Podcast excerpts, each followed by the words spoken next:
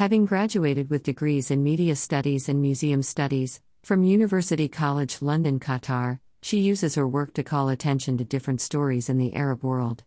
Coming from mixed racial and cultural backgrounds, Suzannah is interested in exploring the complexity inherent in the notion of identity.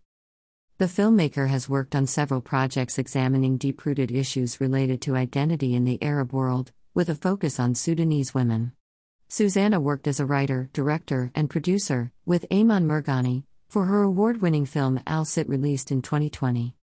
Table of Contents Suzannah, Filmography Hind's Dream, 2014 Caravan, 2016 There Be Dragons, 2017 Al Sit, 2020 Awards. Suzannah, Filmography Wielding her talent, Suzannah wrote, produced, and directed multiple projects and won numerous awards for her films. Much of her work reflects the stories and fables she heard as a child in the hope of creating films that departed from the real world, allowing audiences to experience something unique. Suzannah takes charge of multiple roles when making her films and engages in all the processes that go into filmmaking. By involving herself fully, Suzannah has experience in every stage of the filmmaking process, which is proven by her work that gains new heights every time she releases a new film. Her works include Hind's Dream, Caravan, There Be Dragons, Sit, and Virtual Voice. Hind's Dream, 2014.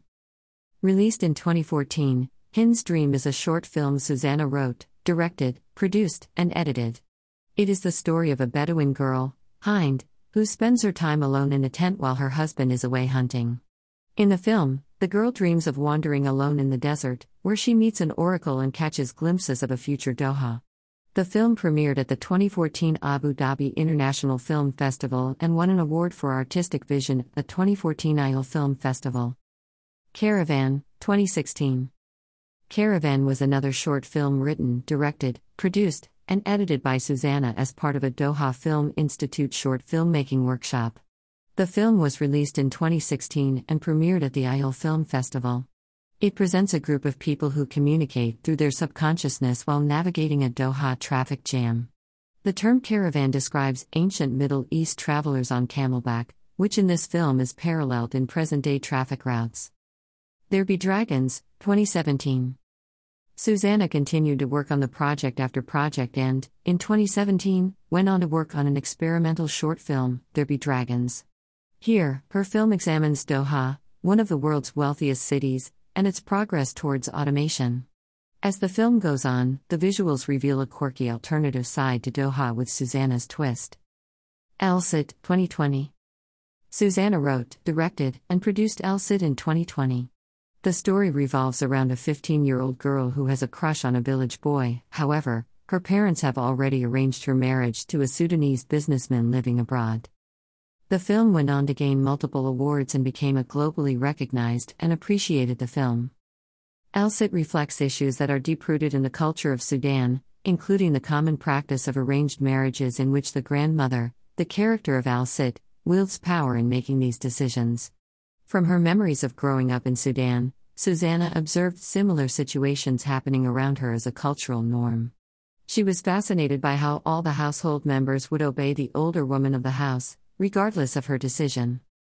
Suzannah, with her films, came to be part of a new wave of films that are locally produced and tell stories deep rooted in Sudan. With the decline of Sudan's film industry, following years of military rule, this new wave of films attempts to get the industry back up on its feet. Through her films, Suzannah spins her take on the male dominated cultures of her country by focusing on stories about women and girls. The Doha Film Institute, Highlight Productions, on set team for media production at the Sudan Film Factory supported the film throughout, providing her with the resources to ultimately deliver the message to her audience. Awards Al Sit went on to grab multiple awards. At the 2021 Tampere Film Festival in Finland, Al Sit bagged the Grand Prix Award. This automatically qualifies the film to be considered for the short film category leading up to the 2022 Academy Awards, also known as the Oscars. At Clermont-Ferrand, the world's biggest film festival for short films, Al Sit went on to win the Canal Plus Award in February 2021. At the European Independent Film Festival in Paris, this short film managed to win the Excellence in Women's Filmmaking Award and a special mention at the Malmo Arab Film Festival. Throughout her filmmaking career, Suzannah has been engaged in all stages of her films by producing, directing, writing, and editing her work with the support of the Doha Film Institute. Her experience in the field and her partnership with the Sudan Film Factory and production crews in Sudan, including highlight productions and on set team for media production, as well as post production professionals in Qatar, saw Al Sit win awards and qualify for Academy Award consideration. This is an achievement that only goes to show Suzannah's hard work and dedication to her craft, with the support of her cast and crew. Suzannah Mirghani Instagram, at Suzannah Mirghani. Credit Tariq Mohammed Al Fache, cover photo.